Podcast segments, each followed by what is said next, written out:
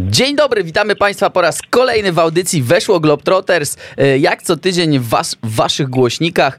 E, dzisiaj porozmawiamy sobie o kraju, który jest e, no dosyć krajem ciekawym i odległym, szczególnie mm, dla e, pospolitego Europejczyka, no a dla Polaków to już na pewno. Moim gościem będzie dzisiaj e, Jacek Magdziński. E, witam Cię Jacku. Cześć, dzień dobry, witam Państwa, cześć Daniel. E, no właśnie, o czym sobie porozmawiamy? E, no wiadomo, że o Angolii to na pewno, mm, ale może ja na początek przedstawię mm, Cię tutaj e, dla naszych słuchaczy. Gdyby ktoś nie wiedział, Jacek Magdziński, czyli chłopak, który pewnego dnia zapakował się do, do walizki w plecaczek i wyruszył na podbój afrykańskiej ziemi, wyruszył na podbój mm, Angolii a w tym momencie e, gra w piłkę w klubie, który nazywa się Wybrzeże Rewalskie Rewal. Jest to mm, liga okręgowa. E, no i na ten moment jest to lider Ligi, ok Ligi Okręgowej. E, powiedz mi Jacek, e, a w ogóle może nawet zaczniemy od jeszcze czegoś innego, bo rozmawiamy tuż po spotkaniu e, Bayernu Monachium mm, z VfB Stuttgart. Y, wiemy, że jesteś fanem Roberta Lewandowskiego. E, on jest łowcą rekordów, zresztą ty też pewien rekord od niedawna dzierżysz. E, o czym za chwilę jeszcze porozmawiamy, ale powiedz mi teraz tak, no na gorąco, jaka jest twoja percepcja występu Roberta, no i tych dwóch bramek? No rzeczywiście, Lewy dzisiaj tak, zrobił swoje i znowu wyrównał rekord Gerda Mellera pod względem ilości strzelonych bramek w Bundeslidze w jednym roku, także to już jest na pewno kolejne mega, mega osiągnięcie, ale wydarzyło się dzisiaj jeszcze coś, coś jakaś kolejna inna rzecz, no bo gdzieś tam, e, jakby to powiedzieć, e, no zniwelował jakiś mit z dzieciństwa dzisiaj Lewy i, i, też jestem mocno z tego powodu poruszony, no bo jak wiemy Lewy jest rekordzistą, dla mnie najlepszym piłkarzem na świecie, a, a, a ogólnie jakby stwierdzono, że jest drugi za Messim, zaraz to jest w ogóle jakieś abstrakcyjne, ale okej okay, w tym roku. E, no ale to tak jak, jak się dowiadujemy, że nie ma Mikołaja, jak się dowiadujemy, że jakby te nasze mity z dzieciństwa mijają, tak dzisiaj Lewy kolejny jakiś mit zabił, no bo jak wiemy jest solidnym, inteligentnym gościem, a strzelił dzisiaj w słupek i te powiedzenie, powiedzenie z dzieciństwa, że każdy głupek trafia w słupek, traci ważność dzisiaj, także po tym meczu jestem poruszony jest wielce i, i rzeczywiście tutaj też trzeba było to powiedzieć, a do samego lewego, no to już chyba brakuje słów do oceny jego umiejętności i, i statystyk, jakie ma, także mega szapoba i, i powiem szczerze, że ja piłki nożnej nie oglądam, Chyba, że lewy gra i patrzę, jakie bramki strzela, żeby coś jeszcze podpatrzeć. No właśnie jest to taka dosyć ciekawa sytuacja, no bo ty, ponieważ ty też jesteś napastnikiem, e, powiedziałeś o tych rekordach e, Lewandowskiego, a tymczasem, no całkiem, e, całkiem niedawno e, w spotkaniu z Pomorzaninem Nowogard, które twoja drużyna zwyciężyła w wyniku, no dosyć, no nawet to nie jest wynik hokejowy, jest to wynik jakiś niebotyczny, wynik kosmiczny, 53 do 0. No zdobyłeś 22 bramki, e, więc w pewien sposób e, można powiedzieć, pobiłeś przy tym też rekord świata, e, że może nie do końca możesz porównywać się e, z Robertem Lewandowskim, ale e, jakąś percepcję e, na te jego wyczyny masz. No, no rzeczywiście, na pewno jest dużą, dużą inspiracją. No, samo w ogóle to, że ja wróciłem do piłki nożnej po 4,5 roku przerwy na dużym boisku, no to już jest w ogóle jakiś wyczyn Krzyśka Sobieszczuka, który mnie e, odkurzył, że tak powiem, i zaprosił do, do zespołu, do, do Wybrzeża Rewalskiego Rewal, który, który właśnie prowadzi jako trener. E, no to już jest jakby wyczyn, wyczyn jego. No mój, no powiedzmy sukces przymrużeniem oka, no bo gdzieś tam na pewno dużo, dużo było e, mówiono o tym meczu i, i dużo, dużo też e, śmiechu e, pojawia się na ustach komentujących. Y, no, przypadkowo, nieprzypadkowo te dwie bramki, 22 bramki rzeczywiście padły. Ja ich kompletnie nie liczyłem. Dopiero po meczu tak naprawdę do sędziego podszedłem i Zapytałem się, ile w ogóle tego dzisiaj było, a dopiero wieczorem y, jakiś redaktor jednej z, z, tutaj z mediów napisał do mnie, że jestem rekordzistą świata, co, co rzeczywiście sprawdziłem za chwilę na internecie i, i też był wcześniej jakiś artykuł, że 21 bramek ktoś strzelił, czyli znowu jakaś tam złota gwiazda nade, nade mną e, czuwała, że rzeczywiście e, wpadło o jedną więcej niż o jedną mniej niż powinno wpaść. Także no jest to przyjemne, jest to fajne. Nawet ostatnio żartowałem sobie tutaj e, z dziennikarzem z Bilda niemieckiego, bo też się tutaj pojawił takowy w Szczecinie, e, gdzie na co dzień teraz dzisiaj mieszkamy z moją Kingą. E, I e, zaproponował coś takiego, że on nawet spróbuje zorganizować takie spotkanie dwóch rekordzistów jednego z Bundesligi i tego, który strzeli najwięcej bramek w Bundeslice i no, będę go do tego mocno namawiał, a jakby ktoś jeszcze słyszał, albo sam Robert, to z przyjemnością na taki mecz do Monachium byśmy pojechali i 5 minut z mistrzem y, spędzili. Także kto wie, mam nadzieję, że to się w przyszłości niedalekiej wydarzy. No właśnie, no to bo trzeba powiedzieć, że masz taki trochę dryk, masz może po prostu szczęście e, do dosyć mm, nietuzinkowych, niebywałych e, historii mm, piłkarskich, e, no bo tak jak sam powiedziałeś, wróciłeś do piłki, do tej piłki powiedzmy na dużym boisku granej 11 na 11 po jakimś czasie, ile 3, 3 lata nie grałeś w piłkę? O, 4,5 nawet. Znaczy to było tak, że nie grałem na dużym boisku w piłkę, bo jakby piłka tak, tak. sama w sobie sprawia mi na coś ogrom, ogrom przyjemności i gdzieś tam na Orliku cały czas występowałem, ale na dużej boisku rzeczywiście 4,5 roku przerwy. 4,5 roku przerwy i wracasz i, i znowu jest o tobie głośno, bo e, no jeżeli mówisz, że sam dziennikarz z Bilda e, zgłosił się do ciebie, no to jest to e, no myślę, że możesz powiedzieć, że gdzieś tam szczęśliwa gwiazda czuwa nad tobą, ta piłkarska. E, tak, no jest takie powiedzenie, że im więcej pracuję, tym mam więcej szczęścia. Ja po prostu nie boję się wchodzić w zamknięte drzwi. No a rzeczywiście e, na pewno dużo przypadków było w tym meczu, e, gdzie strzeliłem te 22 bramki, a jeszcze większym przypadkiem, może nie przypadkiem, a, a zdziwieniem było to, w jaki sposób zostało to odebrane przez polskie media, bo chyba wszystkie i nie tylko sportowe o tym mówiły, także to jest bardzo też przyjemne i też zostaliśmy z Moją Kingą zaproszeni z tego tytułu po raz kolejny do Dzień Dobry TVN. To też miłe, fajne, przyjemne i e, no i gdzieś tam na pewno medialnie to się miło e, miło się tego słucha, opowiada i, i, i fajnie, że gdzieś tam po tej Angolii e, taki przyjemny akcent piłkarski się wydarzył. To słuchaj, tak się składa, że ja akurat w piłkę, no Gram to może jest za dużo powiedziane. Pogrywam. E, gdzieś tam też e, mniej więcej w tym momencie na takim samym poziomie rozgrywkowym jak ty. Akurat w KTS-ie weszło, wcześniej to była e, czwarta liga i tym podobne. Powiedz mi, e, tak już zapytam cię może troszeczkę po piłkarsku. E, jak ty się czułeś, kiedy, kiedy, kiedy wygrywaliście, no, no nie wiem, tam 10 minut i było już e, x do zera. no był, był to mecz, który tak naprawdę został rozstrzygnięty już przed pierwszym gwizdkiem. Jak, jak, jak, ty, jak ty w ogóle jak potrafiłeś zmotywować się do takiego, do, do takiego spotkania? Mm, no bo jednak wychodziliście już w przewadze trzech zawodników. Daniel, no po pierwsze gratuluję Ci występów w, w KTS weszło, no bo to umówmy się, nie jest klub e, piątoligowy zwykły, tylko to jest jakby klub, który rzeczywiście ma przed sobą świetlaną e, przyszłość i, i na pewno e, odbije się w jakiś sposób na, w historii polskiej piłki, także o, jak najdłużej się trzymać tam i jak najdłużej powodzenia. A jeżeli chodzi o, o, o, sam, o sam mecz, o sam mecz, no słuchaj, no jakby powtarzam to już jak mantrę, ale, ale po raz kolejny też, też to powiem. Jakby głównym motywem, dla którego tyle bramek tych padło, no to było to, że my praktycznie wszyscy myśleliśmy, że ten mecz po 15 minutach czy po 20 się zakończy. Ponieważ przeciwnik tylko i wyłącznie przystąpił do tego meczu dlatego, że nie mógł dać walkowera, bo ten walkover już by jakby powodował spadek o dwie ligi niżej. Dlatego przystąpił do, przystąpił do meczu, ale byliśmy przekonani, że oni po prostu po 20 minutach dwóch zawodników od nich się położy, a przy sześciu nie można już kontynuować meczu. No to ten mecz się zakończy, a wynik zostanie zapisany z boiska i to nie jest wtedy traktowane jako, jako walkover. Dlatego od samego początku chcieliśmy podreperować swój wynik bramkowy. No i tak yy, zabieraliśmy nawet piłkę po tych yy, pierwszych bramkach, żeby strzelić ich jak najwięcej w te 15 czy 20 minut no a oni grali dalej. Nawet było, było takie zdanie jednego z naszych zawodników e, po, po, po e, końcowym gwizdku, po pierwszej połowie. E, mówi do kapitana, jeden od nas mówi, to co, schodzicie już?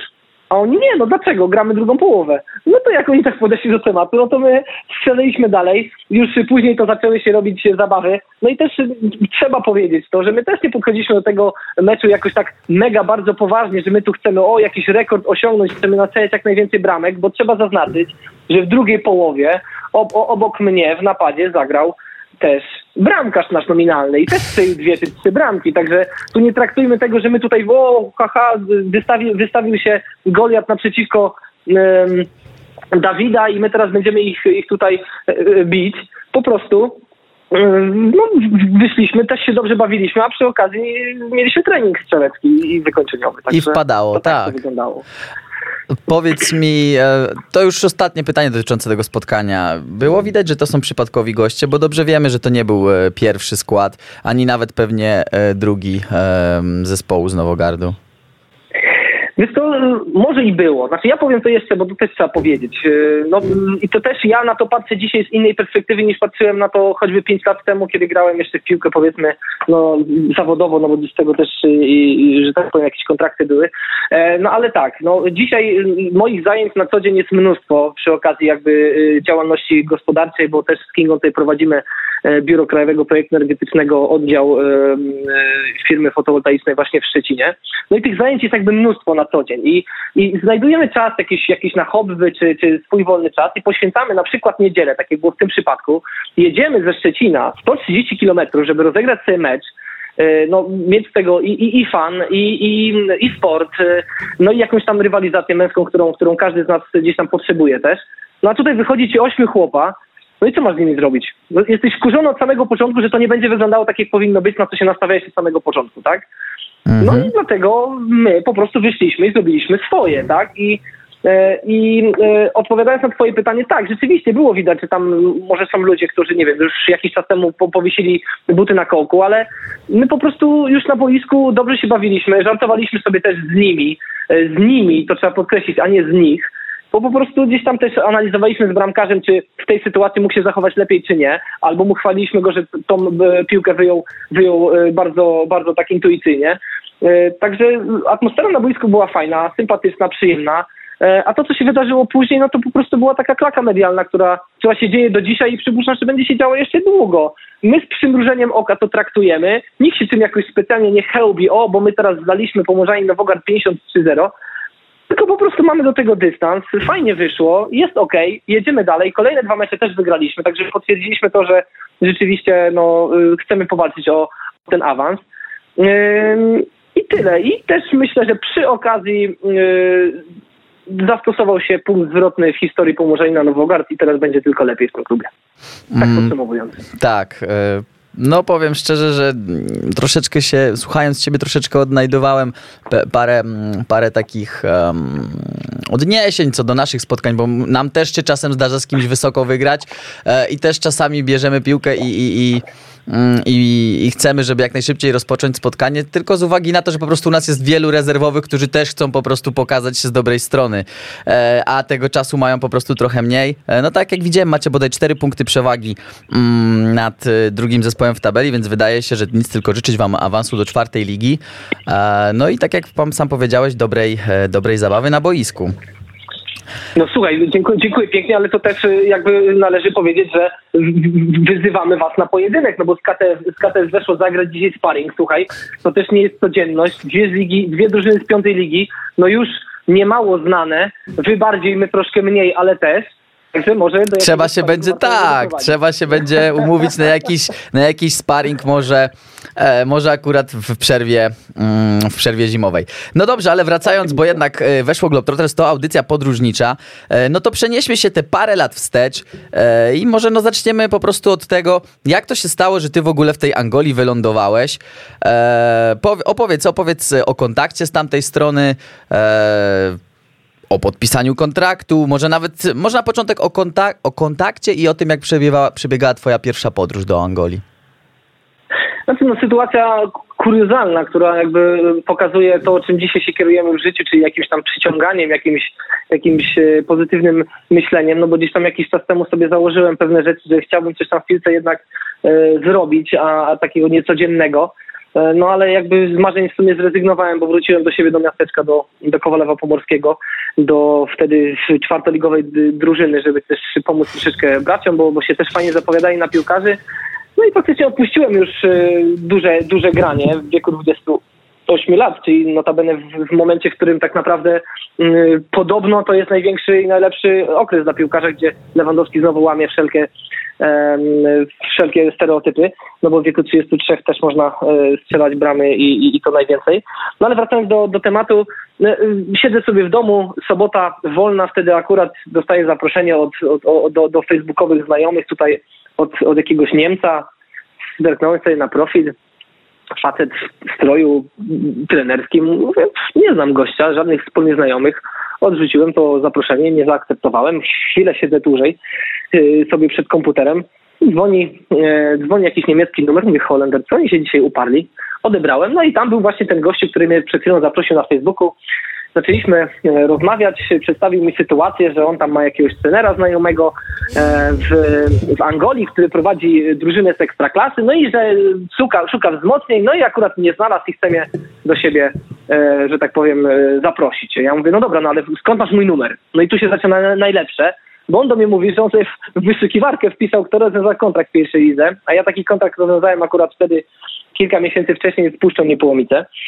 No i mu wyskoczyło moje nazwisko. Zobaczył jakieś tam filmiki, które na pamiątkę sobie zrobiłem głównie z Gwardii Koszalin. Obejrzał, zdobył numer, no i do mnie zadzwonił. Mówię sobie, nie, no bajka jakaś. No gościu po prostu mnie, mnie czaruje tak, że, że koniec, to jeszcze do Angolii mam lecieć. Aż się patrzyłem za plecy, czy mnie tam nie wkręcają, bo to wiadomo, że to w piłkarskim świecie dużo, dużo trzeba mieć dystansu do siebie. I mówię, nie no, za chwilę ktoś mi tutaj wyskoczy i powie, że w tej kamerze jestem. No, a on kontynuował konkretnie, że to, że to Lobito, że to Angola, że tam, że to taki trener i oni awansowali i tak dalej. Pokazał mi dom, w którym miałbym zamieszkać. Trochę popytałem. Mówię, no dobra, no zastanowię się i dam znać. No i zaczęła się jakby ta cała saga, ale ten moment jakby telefonu to już było takie mocne, mocne pobudzenie dla mnie i, i ja byłem w takim okresie życia, w którym mogłem sobie na to pozwolić, mimo tego, że rozpocząłem wtedy drugi stopień studiów jeszcze na Wyższej Szkole Gospodarki w Bydgoszczy, który notabene będąc w Angolii też skończyłem przy, przy, przy dużej dyscyplinie, mm, także, także to, to też jakby jakieś odzwierciedlenie, odzwierciedlenie swoje miało, że był taki moment życia, gdzie mogłem po prostu sobie też na taką podróż pozwolić. No i dograliśmy tematy. 20 chyba 2 czy 23 grudnia pojawił się bilet. No i to był moment, w którym już mówię, dobra, to chyba trzeba powiedzieć o tym, że tak powiem, e, już na łamach, e, e, że tak powiem, prasy, że, że taki wyjazd, taki transfer się wydarzy. No i, i rzeczywiście odbiło się to podobnym echem jak te 22 bramki i trwało troszeczkę dłużej. E, także bardzo ciekawie wyleciałem, no i to też właśnie ciekawa data, która zostanie w mojej głowie chyba tak naprawdę do końca życia, bo to był 3 stycznia 2015 roku, o 3.15 się obudziłem.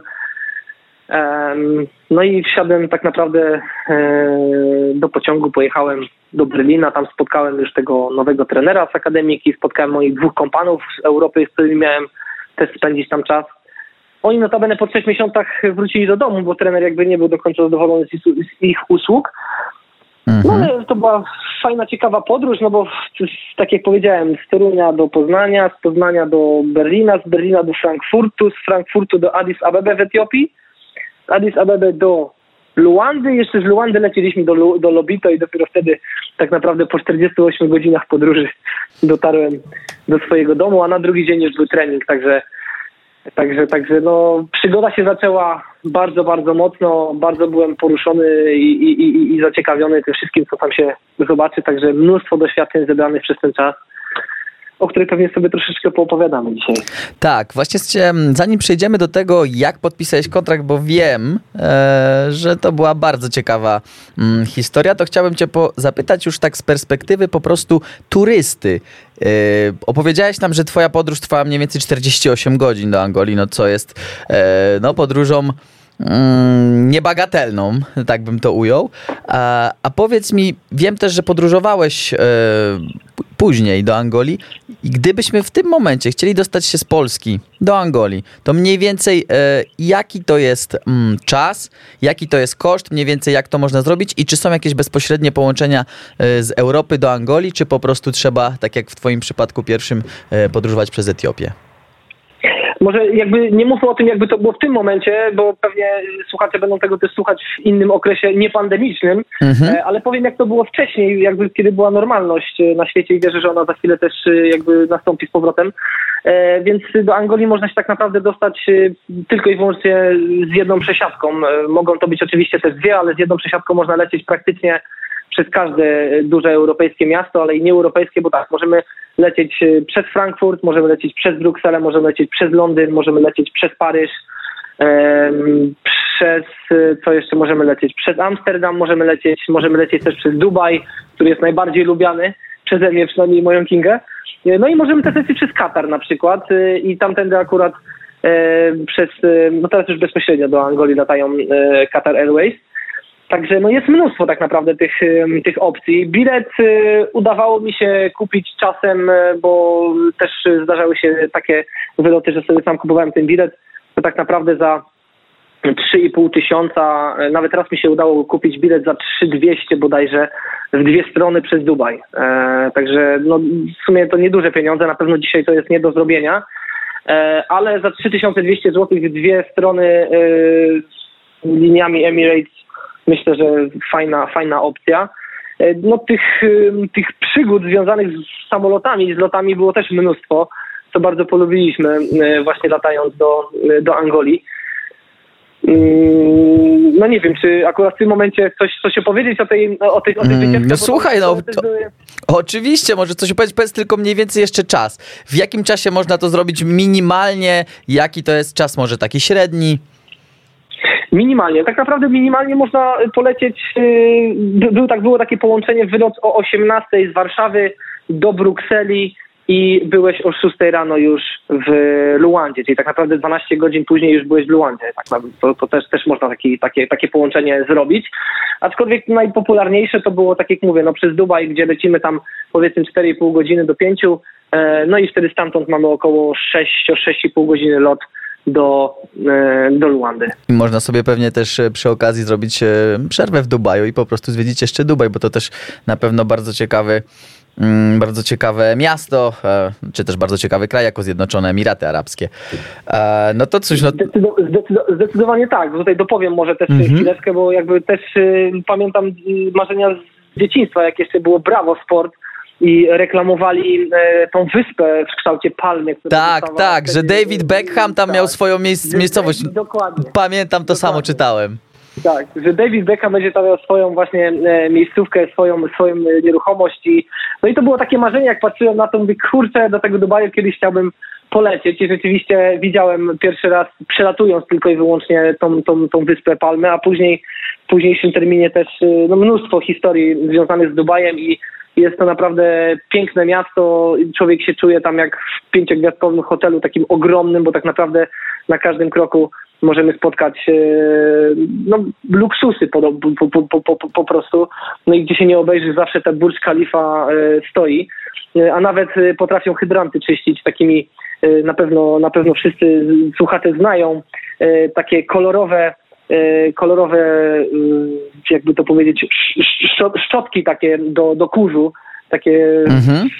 no, no, jakby to powiedzieć, no, dużo tych takich, powiedzmy, włosków jest kolorowych i oni tym hydranty czyszczą w Dubaju, także to też jest na pewno e, i widziałem to na żywo, mam to nawet nagrane, także to jest e, też taka taka ciekawostka. No a a propos Dubaju, jak to się w ogóle rozpoczęło, to mieliśmy z Kingą właśnie na powrocie, tak jak mówisz, bo to też jest y, chwalone, hołbione i i, i reklamowane przez Emirates, żeby sobie taką, e, taki przystanek w Dubaju zrobić, żeby nie lecieć tym najbliższym lotem gdzieś dalej do, do swojej destynacji finalnej, tylko żeby po prostu sobie zostać 2-3 dni w Dubaju i to praktycznie cena biletu jest taka sama, tylko po prostu nie łapiemy się na kolejne połączenie, tylko powiedzmy za 2-3 dni i wtedy zostajemy w Dubaju, żeby sobie pozwiedzać rzeczywiście. No i mieliśmy taką wycieczkę rzeczywiście z Kingą już, już zaplanowaną, czyli zostajemy w Dubaju na 2-3 godziny e, i wtedy na 2-3 na 2-3 doby i wtedy lecimy sobie już dalej do Polski na powrocie z Angolii. Mieliśmy to zaplanowane, a w międzyczasie do Dubaju przyleciała y, jako stewardessa koleżanka naszego kumpla, który, z którym pracowaliśmy też właśnie, z którym Kinga pracowała w, to, w jej firmie akurat w Angolii, e, pracował Robert jako opiekun Polaków. No i przyjechała, przyleciała wtedy właśnie Kasia nasza, e, którą poznaliśmy wtedy 72 godziny miała layover właśnie w Luandzie pojechaliśmy sobie na, e, na safari, poznaliśmy się lepiej, opowiedziała nam wszystko właśnie jak to, jak to wygląda, oczywiście opowiadała to, co mogła na temat pracy stewardessy w przestworzach, była wtedy też bardzo mocno poruszona tym tematem, bo to były początki, a wiadomo, że na takim feelingu pozytywnym mnóstwo takich ciekawych historii można było usłyszeć. No i wyobraźcie sobie, że tak naprawdę my polecieliśmy kilka tygodni, chyba dwa, trzy, cztery tygodnie później do tego, mm, do, tego Dubaju. Oczywiście Kasia nam nie pozwoliła wynająć hotelu, tylko zaprosiła nas do siebie. Mało tego, e, leciała gdzieś na drugi koniec świata, zostawiła nam swoje mieszkanie i, i też praktycznie nie musieliśmy korzystać z żadnego zewnętrznego noclegu. Ten kontakt trwa do dzisiaj, jesteśmy przyjaciółmi i, i spotykamy się i w Polsce, i nawet u nas w Toruniu była i, i byliśmy też u niej kilka razy w Dubaju. Coś niesamowitego, cudowne, cudowne znajomości można, można spotkać właśnie na, przez podróże. No właśnie, no ja powiem ci szczerze, że mm, generalnie mój, mój życiorys też jest taki dosyć ciekawy, bo ja sporo czasu spędziłem e, mieszkając w Hiszpanii, później w Berlinie, na koniec dwa lata w Argentynie i powiem ci, że mm, no nawet ta audycja jest tak naprawdę takim troszeczkę hołdem dla tych moich wszystkich podróży, bo, e, no bo jest to właśnie niesamowita sprawa. Mm, i no ja też na, myślę, że się ze mną zgodzisz, ale podróże generalnie rozwijają i jeżeli ktoś chciałby inwestować, to warto jest inwestować w siebie poprzez też podróże, ponieważ no one, mm, no zresztą zobaczymy, czy się ze mną zgodzisz, ale myślę, że pozwalają nam spojrzeć troszeczkę inaczej na świat. A... Então, o, o señor habla, habla español. Sí, ya podemos hablar en castellano sin problemas. pięknie, pięknie. No, portugalski jest bardzo, bardzo, bardzo tak jakby podobny do, do hiszpańskiego, dlatego gdzieś tam można rzeczywiście się porozumieć. Czy, czy podróże kształcą? Tak, mam takiego swojego jednego idola, którym jest Jacek Walkiewicz. Uwielbiam słuchać tego człowieka, ma, ma świetne wypowiedzi i jedno, jedną z tych wypowiedzi jego jest e, podróże kształcą tak, ale tylko wykształconych ludzi może nie chodzi o wykształcenie samo w sobie, ale tylko tych, którzy są ciekawi świata, bo tak jak on mówi, można stanąć pod piramidami e, w, w Egipcie i powiedzieć takie niskie, takie niskie wyższe się wydawały, nie? I to by było koniec na jakby rozmyśleń na temat tysięcy lat historii, także okej, okay, ale to jakby z ciekawością trzeba traktować świat. No można, tak jak ty, przypuszczam, być w Hiszpanii i, i nie, nie, nie wychylić y, nosa poza miasteczko, w którym się mieszka, y, praca, dom, praca, dom. Albo można też być w Angolii i widzieć tylko boiska piłkarskie, y, ale można też zobaczyć więcej. To już jest kwestia właśnie tego podejścia i ciekawości życia. I z tym bym się zgodził, ale z takim małym właśnie rzeczywiście um, update'em, o tak. Dokładnie. Myślę, że no myślę, że też bym e, dodał e, coś takiego od siebie, ale do tego na pewno jeszcze wrócimy. A, a tym razem przenieśmy się e, do Angolii, ponieważ e, słuchaj, no wyleciałeś na drugi koniec świata, myślę, że można spokojnie tak powiedzieć. Co ciekawe, mm, mm, co ciekawe, Angola, no to jednak Afryka. I mi kojarzy się to troszeczkę z pewną obawą, tak? Ja szczerze mówiąc nigdy nie wybrałem się e, na tak zwany czarny ląd, na czarny kontynent, i chciałbym się dowiedzieć, jak ty podchodziłeś do tej sytuacji, jeżeli chodzi o taki o strach związany nie tylko tego, że nie tylko z tym, że wyjedziesz e, do obcego kraju, ale też e, o twoje obawy polegające na przykład na tym, czy, te, czy będziesz tam po pierwsze bezpieczny, no bo Angola to nie jest tak po prostu zwykły kraj. E, nie jest, to nie jest na przykład wyjazd do Portugalii, czy też na przykład e, do, choćby do Brazylii. Mm, a akurat celowo wymieniam te państwa, ponieważ e, taki sam język urzędowy panuje w Angolii. I czy na przykład też jak podchodziłeś do spraw związanych no, z chorobami, no choćby wirus Ebola? Tak, no słuchaj, dużo się, dużo się jakby odpowiedzi yy, narzuca, narzuca na myśl. No Ebola, zacznijmy od tego, na czym skończyłeś, bo Ebola to była też, też ciekawa historia była z tym związana na początku, jak e, rodzice moi usłyszeli, że mam gdzieś tam do tej Angolii polecieć, no na początku tata fajnie, fajnie, tak, tak, jak najbardziej, e, ale później rzeczywiście tam szalał ten, ten wirus Ebola i pamiętam jak dzisiaj jakoś schodził z, z, z góry, ze schodów, a ja akurat wchodziłem do domu do nich i, i, i tak stanął, wiesz co Jacek, chyba do, do tej Angolii to nie powinieneś lecieć, nie? Także rzeczywiście ten strach był nie tylko, nie tylko u mnie. Dodatkowo też trzeba powiedzieć, że w tym samym okresie, co ja dostałem propozycję e, wyjazdu do Angolii, to do tego samego zespołu miało trafić też innych dwóch Polaków i oni też dostali taką propozycję, no ale żaden z nich się finalnie na ten transfer nie zdecydował, mimo tego, że nawet ja już byłem tam na miejscu, a oni taką możliwość wyjazdu jeszcze wtedy mieli. No nikt się na to nie zdecydował. Ja lubię takie, takie pytanie e, sobie zadawać w różnych takich, e, powiedzmy, rozterkach życiowych i po, podczas podejmowania takich no, drastycznych decyzji, e, które zmieniają jakby zwrot całego naszego życia i taki na pewno był wyjazd do, do Angolii. Co się, może co się może najgorszego wydarzyć, jak ja tam polecę? Mhm. No i w sumie odpowiedź na to pytanie była trochę brutalna, bo mm, odpowiedziałem sobie na nie, no możesz chłopie tam umrzeć. Bo to jest jednak Afryka, bo to jest jednak e, no, inna flora bakteryjna, bo to jest, bo to są, bo to jest malaria, bo to jest denga, bo to jest to, bo to jest tamto. I po prostu lecąc tam możesz po prostu umrzeć. No i tyle. No ale widać motywacja do, kurczę, nie wiem, no zrobienia czegoś wyjątkowego, czegoś fajnego, z czegoś, z czego byłbym dumny, a jestem bardzo dumny z tego, tego, z tego pobytu w Angolii i w jakiś tam stopniu e, takiej, takiej przygody zapisania się na łamach jakby historii polskiego futbolu, jak ten, ten trzeci Polak, który zagrał na tym czarnym lądzie. Na pudełku się zmieściłem. No jednak ta, ta chęć właśnie zrobienia czegoś fajnego w życiu była mocniejsza nawet od tego, od tej świadomości tego, że może tam na miejscu wydarzyć się coś strasznego. Krótko, e, krótko mówiąc, e, zrobiłeś sobie taki bilans plusów i minusów i wyszło ci, że jednak a, warto zaryzykować i, i, i udać się na czarny ląd. Tak, że jestem szaleńcem i rzeczywiście zrobię to.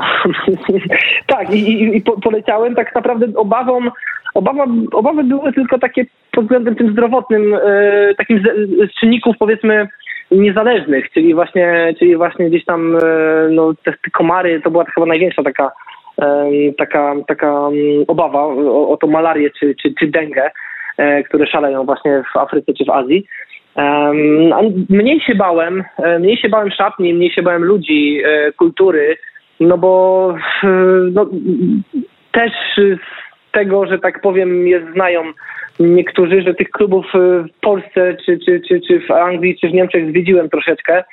E, I to akurat y, nie jestem z tego dumny, bo to jest jakby na pewno nie jest fajna droga e, powiedzmy kariery czy przygody piłkarskie. Znaczy, o inaczej, kariery e, nie, a przygody tak. O, może w ten sposób. Czyli nie jest to dobra ścieżka kariery piłkarskiej, zmiany dużo, jakby dużo zmian klubów, ale y, przygody piłkarskie to jak najbardziej, bo przypuszczam, że te doświadczenia, które zebrałem podczas właśnie tych zmian, tych, tych, tych Mm, tych, tych szatni, w których byłem, no w ilości, no nie wiem, pewnie by liczyć, no może i w setkach, e, to dało mi bardzo dużą taką pewność i, i, i jakby możliwość dostosowania się do, do tej całej Angolii, bo tak naprawdę trudność ta nie polegała na poziomie piłki nożnej. Jakby trudność polegała bardziej na, na dogadaniu się z tymi chłopakami, na znalezieniu wspólnego języka, na, na wejściu do szatni, uzyskanie jakiejś, jakiegoś szacunku, czy od trenera, czy, czy właśnie od nich samych, no bo jak wiemy, piłka nożna jest mimo wszystko grą zespołową i tam trzeba jednak tą,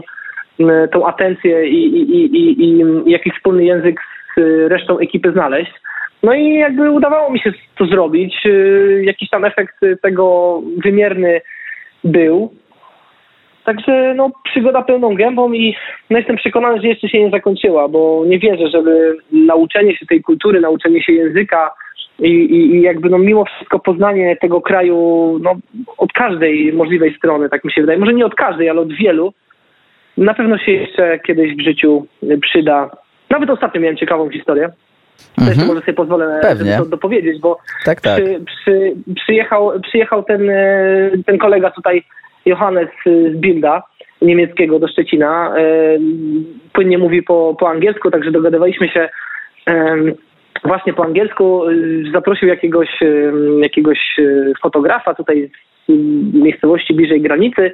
On z kolei mówił po niemiecku, no to ja tam też próbowałem się z nim troszeczkę porozumieć, już się tak przestawiłem na te języki, po czym powiedzieli, że chcieliby jakieś zdjęcia na boisku. No i znaliśmy jakieś fajne boisko ze sztuczną murawą. No mówię, no to z grzeczności wejdę do budynku klubowego, zapytam się, czy możemy tam 10-15 minut spędzić na tej murawie, żeby cyknąć jakieś fotki. No i rzeczywiście wchodzę do tego budynku klubowego, nowy, wybudowany budynek, no i stoi gościu, w kurtce Sportingu Lizbona i widzę takie też e, rysy twarzy powiedzmy e, południowe i próbuję znaleźć jakiś słów w portugalskim, żeby się do niego odezwać. I tak, nie wiem, 15-20 sekund coś chce wydusić i przychodzi angielski na myśl, przychodzi niemiecki na myśl, aż w końcu mówię do niego, ola mano, come! I on tak patrzył, você português? No, sou Polaco masz podobność falałem portugiez. No i on wtedy, o Jezu, się tak mocno roz, roz, rozochocił, że tak powiem, roześmiał. Także w tym tygodniu akurat nie mieliśmy czasu się spotkać, ale na pewno będziemy się widzieć po nowym roku, bo... Ale to słuchaj, ekipę. to co on tam robił? Kto to był? Y, to był jakiś ze Sportingu Lizbona trener, który wymieniają się, po prostu zrobili wymianę sobie trenerów i, i oni akurat byli u nas. Y, właśnie przed świętami leciała ekipa y, z tego klubu szczecińskiego właśnie tam. A co to za klub, powiedz mi, bo wiesz co, ja też miałem przyjemność paru trenować w Szczecinie, bo akurat tam studiowałem. Chyba Stal Szczecin. Ale Stal Szczecin, okej. Okay. Tak, Stal Szczecin, swego no, czasu no. czwarta liga, teraz chyba okręgówka. Nie wiem jak, albo przynajmniej parę lat temu to, to już była okręgówka. Możliwe. No w każdym razie mhm. mają taki nowy, nowy, nowy kompleks ze sztuczną, ze sztuczną murawą. E, no i rzeczywiście też zabierali swoich trenerów tam do Portugalii. A wtedy a wtedy wracają z, z tych sił z powrotem. No powiedziałeś troszeczkę, no już tutaj powiedziałeś mm, o swoich zdolnościach językowych, właśnie chciałem cię też, a także o tym, w jak wielu klubach grałeś, no bo Mm, rozmawiam z tobą teraz i przychodzi mi na myśl troszeczkę Łukasz Gikiewicz. To jest to, co powiedziałeś o robieniu kariery albo czy też o robieniu przygody z piłką. E, moim gościem całkiem niedawno zresztą w tym podcaście był Łukasz Gikiewicz. E, no i on rzeczywiście też jest takim piłkarskim globtroterem, no a tutaj warto podkreślić, że ty nie tylko grałeś w Polsce, ale także właśnie w Niemczech. Grałeś też w Anglii, na koniec w Angolii. E, rozumiem, że z każdej z tych szatni coś wyciągnąłeś i, i Szczególnie przez pryzmat tego, że kiedy jechałeś do Angolii, to był to już twój czwarty kraj tak naprawdę. E, to powiedz mi, jak ty się odnalazłeś w szatni i czy długo zabrało ci to, żeby nauczyć się portugalskiego? E, znaczy, no, rzeczywiście, z Gikiem też mieliśmy kontakt e, po drodze, nawet chyba pojawił się mm, w jeden moment możliwość jego transferu do Angolii właśnie, także też tam troszeczkę rozmawialiśmy w temacie. On wybierał raczej takie inne e, kierunki e, egzotyczne, bardziej takie Bliskiego Wschodu, no powiedzmy. Także też na pewno ciekawie, fajnie na tym e, wyszedł i, i, i, bardzo ciekawa też przygoda. Będzie mógł z tego bardzo mocno sobie, sobie wynieść i na, i na przyszłość.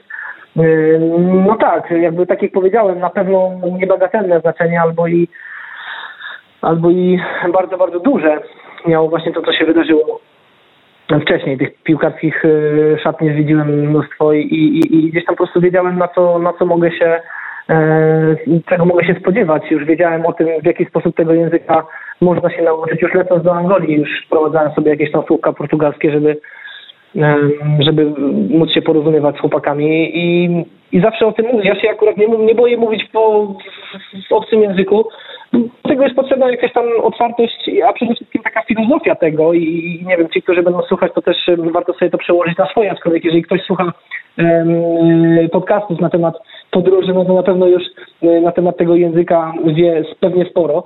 Aczkolwiek moja filozofia jest taka, że może ten angielski czy niemiecki nie jest na super mega poziomie, ale najważniejsze jest, żeby się po prostu dogadać. I mieliśmy w Gwardii Koszali, jak grałem na przykład Japończyków, E, I pamiętam naszą radość ogromną, jak oni potrafili powiedzieć trzy, cztery słowa po polsku.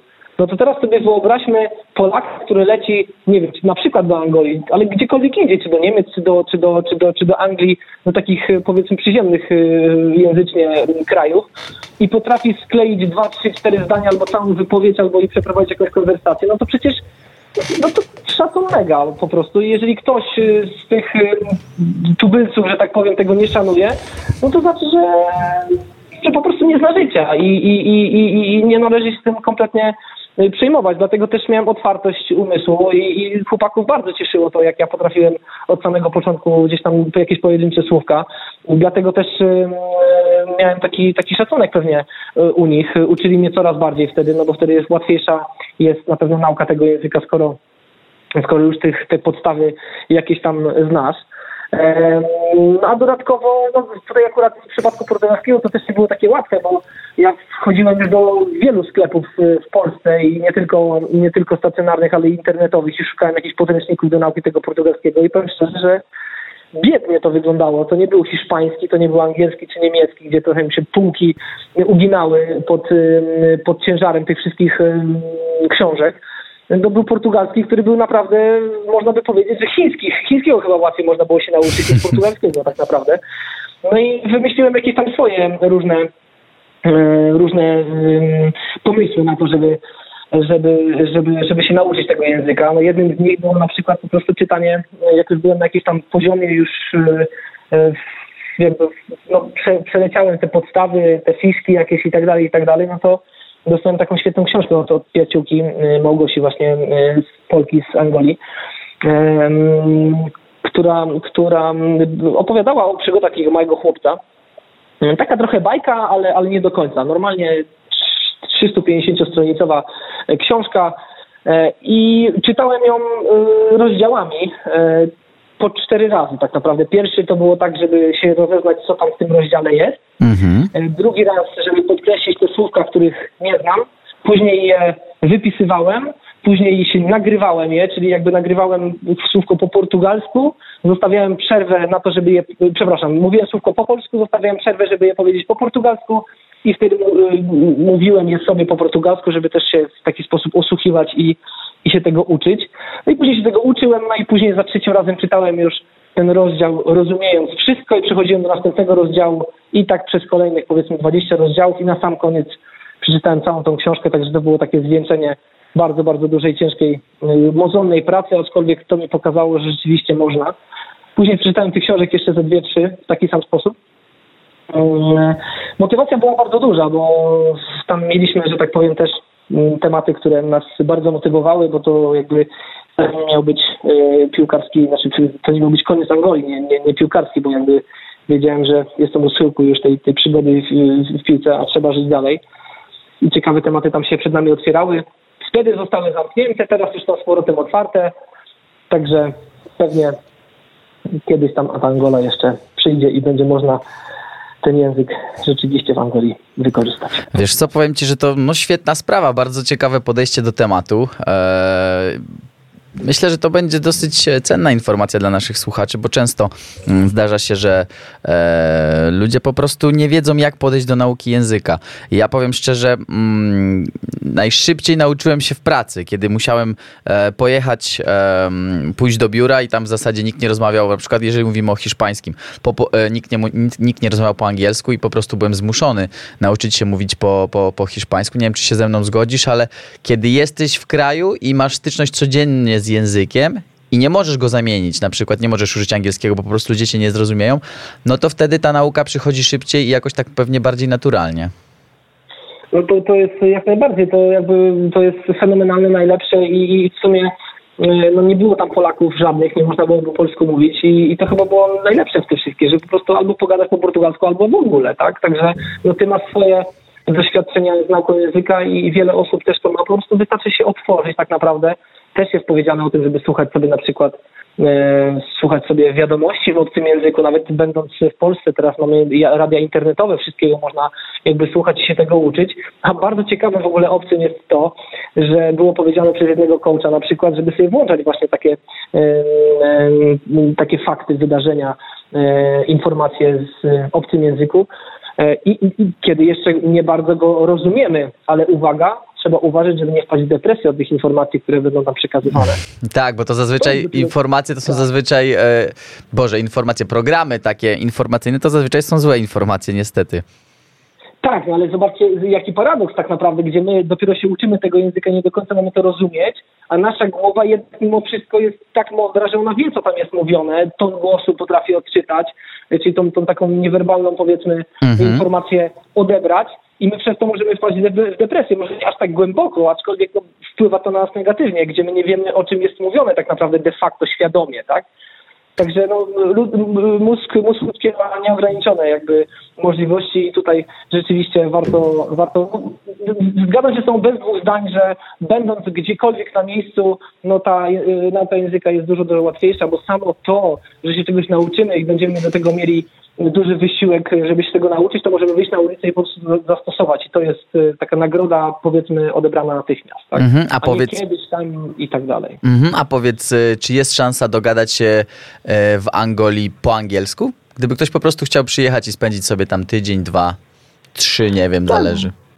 Głównie w hotelach można się dogadać po angielsku. Na ulicy no nie do końca, aczkolwiek Angolczycy są tak, tak cudowni, że jeżeli będziesz szedł tą ulicą i będziesz próbował się do kogoś odnieść po angielsku, nie będzie nic rozumiał, to albo za chwilę znajdzie się ktoś, kto cię słyszy i podejdzie do ciebie i cię rozwiąże sytuację, bo po tym angielsku potrafi się porozumiewać, albo ta osoba, do której mówisz, za chwilę zawoła kogoś, kto po tym angielsku będzie, będzie mówił. Jest to niewielki odsetek y, ludzi, którzy mówią po angielsku mimo wszystko, Aczkolwiek są tak pomocni, że już też nieraz e, widziałem i, i, na własnej skórze, jacy są, jacy są mili, jacy są fajni. Nawet taką historię mam króciutką, gdzie e, jechałem sobie mm, kandungą, czyli jakby tym busikiem mhm. takim niebieskim, e, podobnym do tuktuka właśnie przez Luandę. Mm, no i wsiadając sobie do tego tuktuka, oni mają takie trasy wyznaczone powiedzmy i dowożą do jednego miejsca i później musisz się ewentualnie przesiąść, chyba że oni już w środku mają kilka osób, które chcą jechać, powiedzmy, dalej kontynuować tą trasę, no to wtedy już nic nie mówią, tylko po prostu jadą dalej. No i ja wsiadłem sobie do tego tuktuka, chciałem pojechać powiedzmy na Benfikę, tak, do taką dzielnicę, która się nazywa Benfica, no i stąd się przesiąść i jechać wtedy na aeroportu International. No i mówię do niego, w takim razie mówię, słuchaj, jak jedziesz na Benfikę, to powiedz mi, kiedy będziesz na Benfica, no i ja wtedy sobie wysiądę i przesiądę się dalej na ten. No i dobra, dobra. No i tak jedziemy, jedziemy, jedziemy. Ja już tą trasę oczywiście znałem, także wiedziałem, że oni w międzyczasie zmienili już tą trasę, nie tylko do Benfiki, ale jechali dalej do tego, do tego lotniska. No i tak siedzę 40-45 minut i już dojeżdżamy tak jakby do tego mojego lotniska, gdzie ja chciałem wysiąść. I pukam mhm. tego, tego kobradora, czyli człowieka, który otwiera drzwi, nawołuje ludzi, zbiera pieniądze. Yy, mówię do niego, słuchaj, gdzie ta Benfica jest? Bo powiedzieli, powiedzieli mi, żebyś mi powiedział, kiedy będzie, żebym wiedział, gdzie wysiąść. I takie poruszenie w ogóle w całej tej kandundze. On też, takie wielkie oczy, kobitki wszystkie też, jakby mężczyźni oczywiście i on, ale to Benfica to, to tam, to, to, to dawno temu Już było. przejechaliśmy. Tak, mówię, słuchaj, dobra, żartowałem e, tutaj nie wypuść e, przy lotnisku, nie? Także i wszyscy śmiech oczywiście, także Także oni są naprawdę bardzo otwarci, bardzo fajni i, i w żaden sposób e, to, że jesteś biały, to, to, to nie wpływa negatywnie, aczkolwiek no, to też trzeba powiedzieć, że dużo tam tych białych ludzi nie ma, tym bardziej po, po tym kryzysie, jaki tam ekonomiczny jakiś tam był, no to wielu na pewno białoskórych wybyło, ale mimo wszystko są bardzo otwarci i, i, i chętni do, do pomocy. E, no właśnie, no to zapytam Cię już o to, jak wygląda stricte życie w Angolii, a przez pryzmat białego człowieka. I może, naj, może najpierw powiedz mi, jak to wygląda przez pryzmat mężczyzny, a potem czy ewentualnie, mm, bo ty pojechałeś tam z partnerką, e, inaczej, nie pojechałeś tam z partnerką, ale w pewnym, z tego co mówiłeś, e, w pewnym momencie twoja partnerka do ciebie dołączyła. E, no tak, rzeczywiście. Kinga tu nam była ze mną w Angolii. Też nie tylko, że tak powiem, była polską WAX na afrykańskiej ziemi, ale też miała swoje zajęcia, swoją pracę, swój kontrakt, który wypełniała codziennie i to też a powiedz tylko, przepraszam, że ci przerwę, czy to się stało tak, że ona sobie tam specjalnie znalazła pracę, bo ty tam byłeś? Czy to był jeszcze jakiś zupełnie inny przypadek, że, że, e, że to się stało, że ona tam dostała, e, tak jak powiedziałeś, sam kontrakt? E, to znaczy, no, wyglądało to w ten sposób, że tak naprawdę poznaliśmy się 10 dni przed moim wylotem do, do Angolii. No i później gdzieś tam jakiś tam trzymaliśmy, trzymaliśmy kontakt ze, ze sobą i rzeczywiście, rzeczywiście po, no po długim czasie tak naprawdę, bo cały, znaczy pierwszy raz Kinga przyleciała tak naprawdę na wakacje, e, gdzieś tam e, w, powiedzmy w sierpniu no, tego pierwszego roku, w którym ja byłem w Angolii. Zobaczyłem jak to wygląda, e, tak rzeczywiście to było tak wakacyjnie.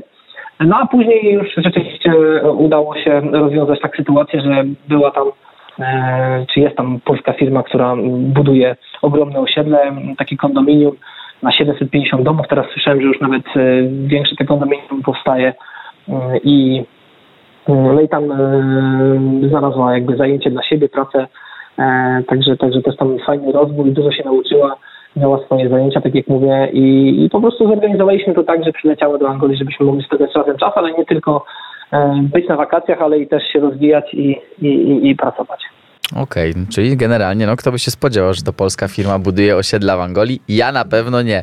E, no to wracając do pytania. Tak, życie... Polskie firmy, mhm. Przepraszam, że ci przerwę, jeszcze polskie firmy nie tylko e, budują tam e, nie tylko budują tam osiedla, ale i robią inne ciekawsze rzeczy i też budują, ale ciekawsze budynki w Angolii. Także Czyli kooperacja między Polską a Angolą jakby jak najbardziej e, jest to rozwinięta forma. To wcale nie był jakiś taki przypadek z tego, co tutaj mówisz, tak? Jakiś pojedynczy przypadek. Nie, zdecydowanie nie. Tam myślę, że korzeni jest dość sporo, tym bardziej, że połączeń jest też dużo. Polecam książkę e, Kapuścińskiego, Ryszarda Jeszcze Dzień Życia, który opisuje właśnie e, odzyskanie niepodległości przez Angolę i, i ten eksodus Portugalczyków właśnie stamtąd. Y, także, także świetna książka, krótka opowieść, która opisuje bardzo dużo. A to jest no, w ogóle, prze, przerwę ci jeszcze, to jest bardzo ciekawa sprawa, ponieważ Dzień Niepodległości w Angolii przypada na ten sam dzień e, w Polsce, czyli 11 listopada aż mam ciarki y, na całym, na całym ciele i to też połączone z Dubajem dodatkowo, bo, właśnie 11 listopada cały Burj Khalifa y, świeci się na, w barwach y, i angielskich na zmianę i, na, i, i polskich, także to jest coś niesamowitego, tym bardziej, że nawet szukając jakichś powiązań właśnie Polski z Angolą, to gdzieś znalazłem informację, że był moment, w którym Polska miała przed wojną stać się kolonią właśnie polską. Mieliśmy to sobie dogadane już tam bodajże właśnie z Portugalią, że my tam e, zaczniemy to wszystko, e, że tak powiem, urządzać i e, i, i, i ogarniać. Także no, było blisko, aczkolwiek to wiadomo, że później musieliśmy się skupić na, na innych rzeczach, na bronieniu jakby tych granic, które już tutaj mieliśmy. Ale to różnie mogło pójść, a kto wie, co przyszłość przyniesie. E, No tak, E, czyli, czyli, czyli wracając e, jeszcze, bo będę troszeczkę cię pomęczy. Życie białego człowieka w Angolii. Normalka, O, czy coś rzeczywiście z tak zwanego zupełnie innego świata? No to znowu ci gdzieś tam powiem, odpowiem w taki podobny sposób, jak, jak to właśnie przy Jacek Walkiewicz w swoich wypowiedziach, że no wiesz, to, to, jest takie pytanie, jak, jakie można zadać, czy pogoda jest dzisiaj ładna, czy brzydka. To zależy. Jak jesteś zakochany, to na pewno będzie piękna. Nieważne, czy by padał deszcz, czy śnieg, czy, czy była chlapa i, i szaro, nie? To tak samo No jest tak. na pewno praktycznie ze wszystkim i, i życie białego człowieka dla jednego białego człowieka mężczyzny w Angolii będzie straszna, bo nieraz y, słyszeliśmy mm, na odprawie, gdzie państwo lecą? Do Luandy? Przecież to jest najbardziej niebezpieczne miasto na świecie. A my tak na siebie, hmm? No, chyba nie. No w każdym razie, no, jakby ja mam mnóstwo takich ciekawych też fajnych filmików i, i, i, i i nagrań czy zdjęć, gdzie idę sobie gdzieś tam środkiem, środkiem ulicy, po takim powiedzmy e, wzniesieniu, które oddziela prawą, prawą stronę od lewej e, i po prostu trzeba nauczyć się tego wszystkiego, jak to tam wygląda. No, e, jeżeli oczywiście no, widzą białego, to próbują, tak? No bo gdzieś tam e, nie tylko kandungami sobie jeździłem, ale czasem, żeby e, też dojechać do takiego miejsca mniej, mniej dostępnego, to wsiadałem na przykład na motocykl i no i wiem, że taki motocykl na przykład kosztuje 150 kwanza, tak? No i wsiadam do niego, ale już dla, dla, dla pewności jeszcze zapytam, ile ta podróż będzie kosztować, a on mówi 500, a ja do niego takie, takie angolskie e, e, powiedzmy e, no taki takie zachowanie głosowe można powiedzieć, szef. A on już wiedział, że jak powiedziałem coś takiego, no to jestem swoją, dobra, 150. No, no, no to wiesz, no to na zasadzie takiej, że jak już wiesz, jak się zachować w danych sytuacjach, no to po prostu ludzie też to, też to czują i widzą, czy oglądasz się za siebie, czy jesteś niepewny, czy idziesz pewnie i wiesz, gdzie idziesz, wiesz, co robisz, wiesz, jak to ma wyglądać. Także Także to była kwestia po prostu przełamania jakichś barier swoich, e, poszerzenia swojej, swojej granicy i wyjścia ze strefy komfortu. E, I to myślę, że wszędzie tak to wygląda. No, też opowiem taką może historię, gdzie wymyśliliśmy sobie właśnie z Kingi mm, kompanami z pracy, że wyruszymy sobie na południe Angolii, czyli właśnie pojedziemy z Luandy do Lobito, gdzieś tam później nawet niżej do Namibe, do Lubango, zobaczymy, zwiedzimy sobie trochę tej, tej Angolii właśnie em, samochodem, tak tylko i wyłącznie e, w szóstkę tak naprawdę, po trzy osoby w aucie. No i e, gdzieś tam było powiedziane, że jedziemy swoimi plecakami i tak dalej. Oczywiście skończyło się na tym, że wzięliśmy jakiś hotel tam już na miejscu, aczkolwiek jechaliśmy praktycznie w nocy, bo wyjeżdżaliśmy z o 21.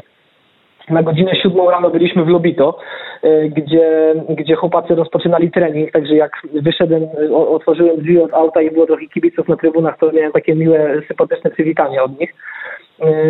No i do czego zmierzam, że jakby planując ten wyjazd i, i będąc y, jedną noc przed tym wyjazdem, to powiem szczerze, że nie stałem zbyt dobrze. Mimo tego, że w Angolii miałem już mnóstwo doświadczeń, zlatałem ten cały kraj już y, samolotami, latając na mecze, y, czy, czy już z jakimiś doświadczeniami różnymi w kraju, to mimo, mimo wszystko czułem, czułem niepokój i, i jakieś takie poddenerwowanie, stres i to taki dość spory przed tą wycieczką.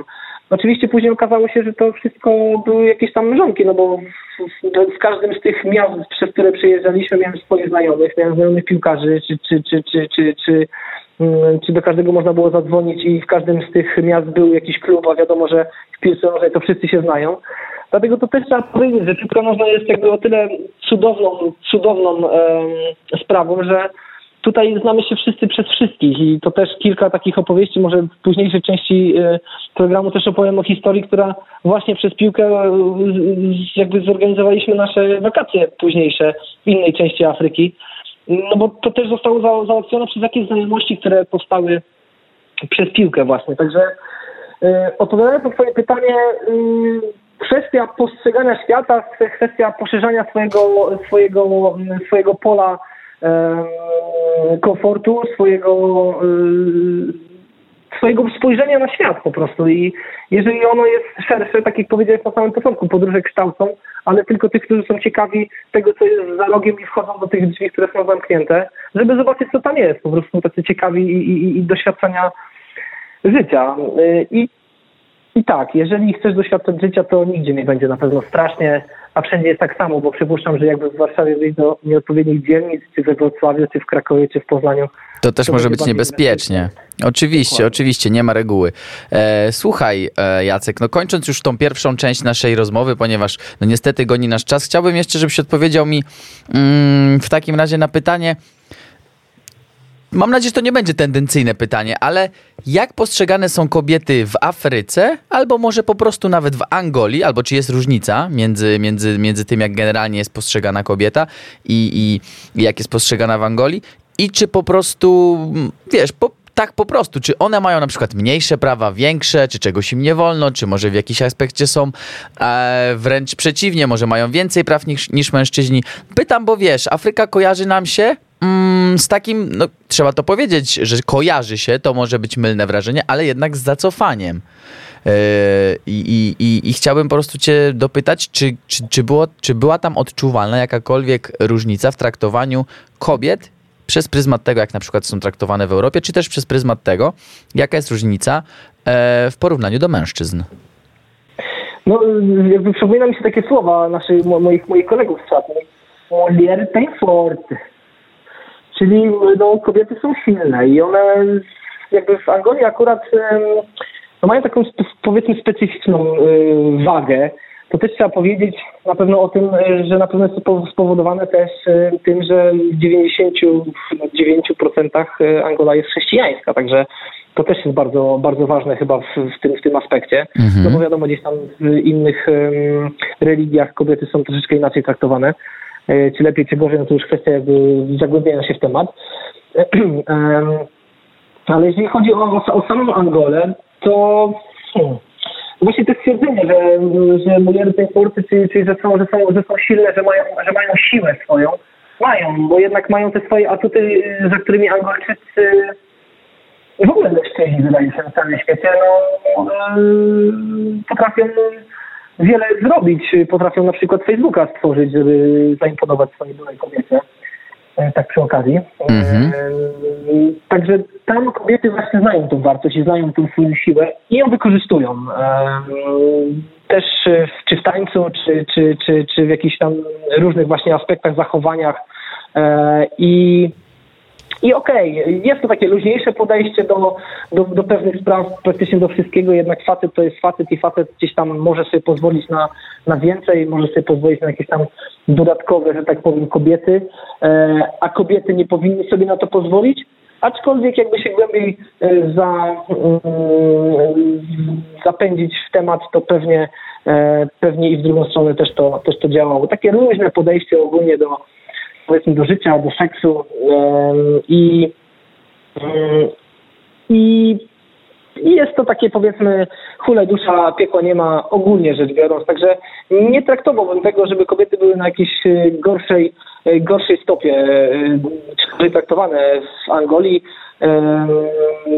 No jest też powiedzenie mama Afryka, tak, także mm-hmm. to też, też na pewno daje o sobie, o sobie znać, wykazują się jakoś tam mądrością, są, są bardziej stabilne powiedzmy, ale to po pewnym wieku. Do pewnego wieku można spotkać wiele scen gdzieś tam, gdzie jedzie sobie jakiś lepszy, fajniejszy samochód, podjeżdża pod jakiś tam e, uniwersytet i i chce podwieźć dziewczynę do domu. A co się dzieje po drodze, no to już każdy na pewno sobie swoją wyobraźnię użyje i Pewnie. Pewnie, no cóż, e, rozumiem. E, więc wychodzi na to, że wcale, e, wcale tak te kobiety gorzej w Angolii nie mają, co niezmiernie mnie i podejrzewam, że także naszych, naszych słuchaczy cieszy. No dobrze, Jacek, dziękuję Ci bardzo za tę pierwszą część naszej rozmowy o Angolii. No nie poruszyliśmy jeszcze chyba myślę, że nawet połowy tematów. W związku z tym zapraszamy Już za tydzień na audycję Weszło Globetrotters, e, czyli najbardziej podróżniczą audycję w Radiu Weszło FM. E, Pamiętajcie, że możecie nas słuchać e, na Spotify, na SoundCloudzie, e, wszędzie. Zawsze te nasze audycje mm, są umieszczane. E, A ja nazywam się Daniel Żurawski i dziękuję Państwu bardzo. Wielkie dzięki, do usłyszenia. Pa! Cześć.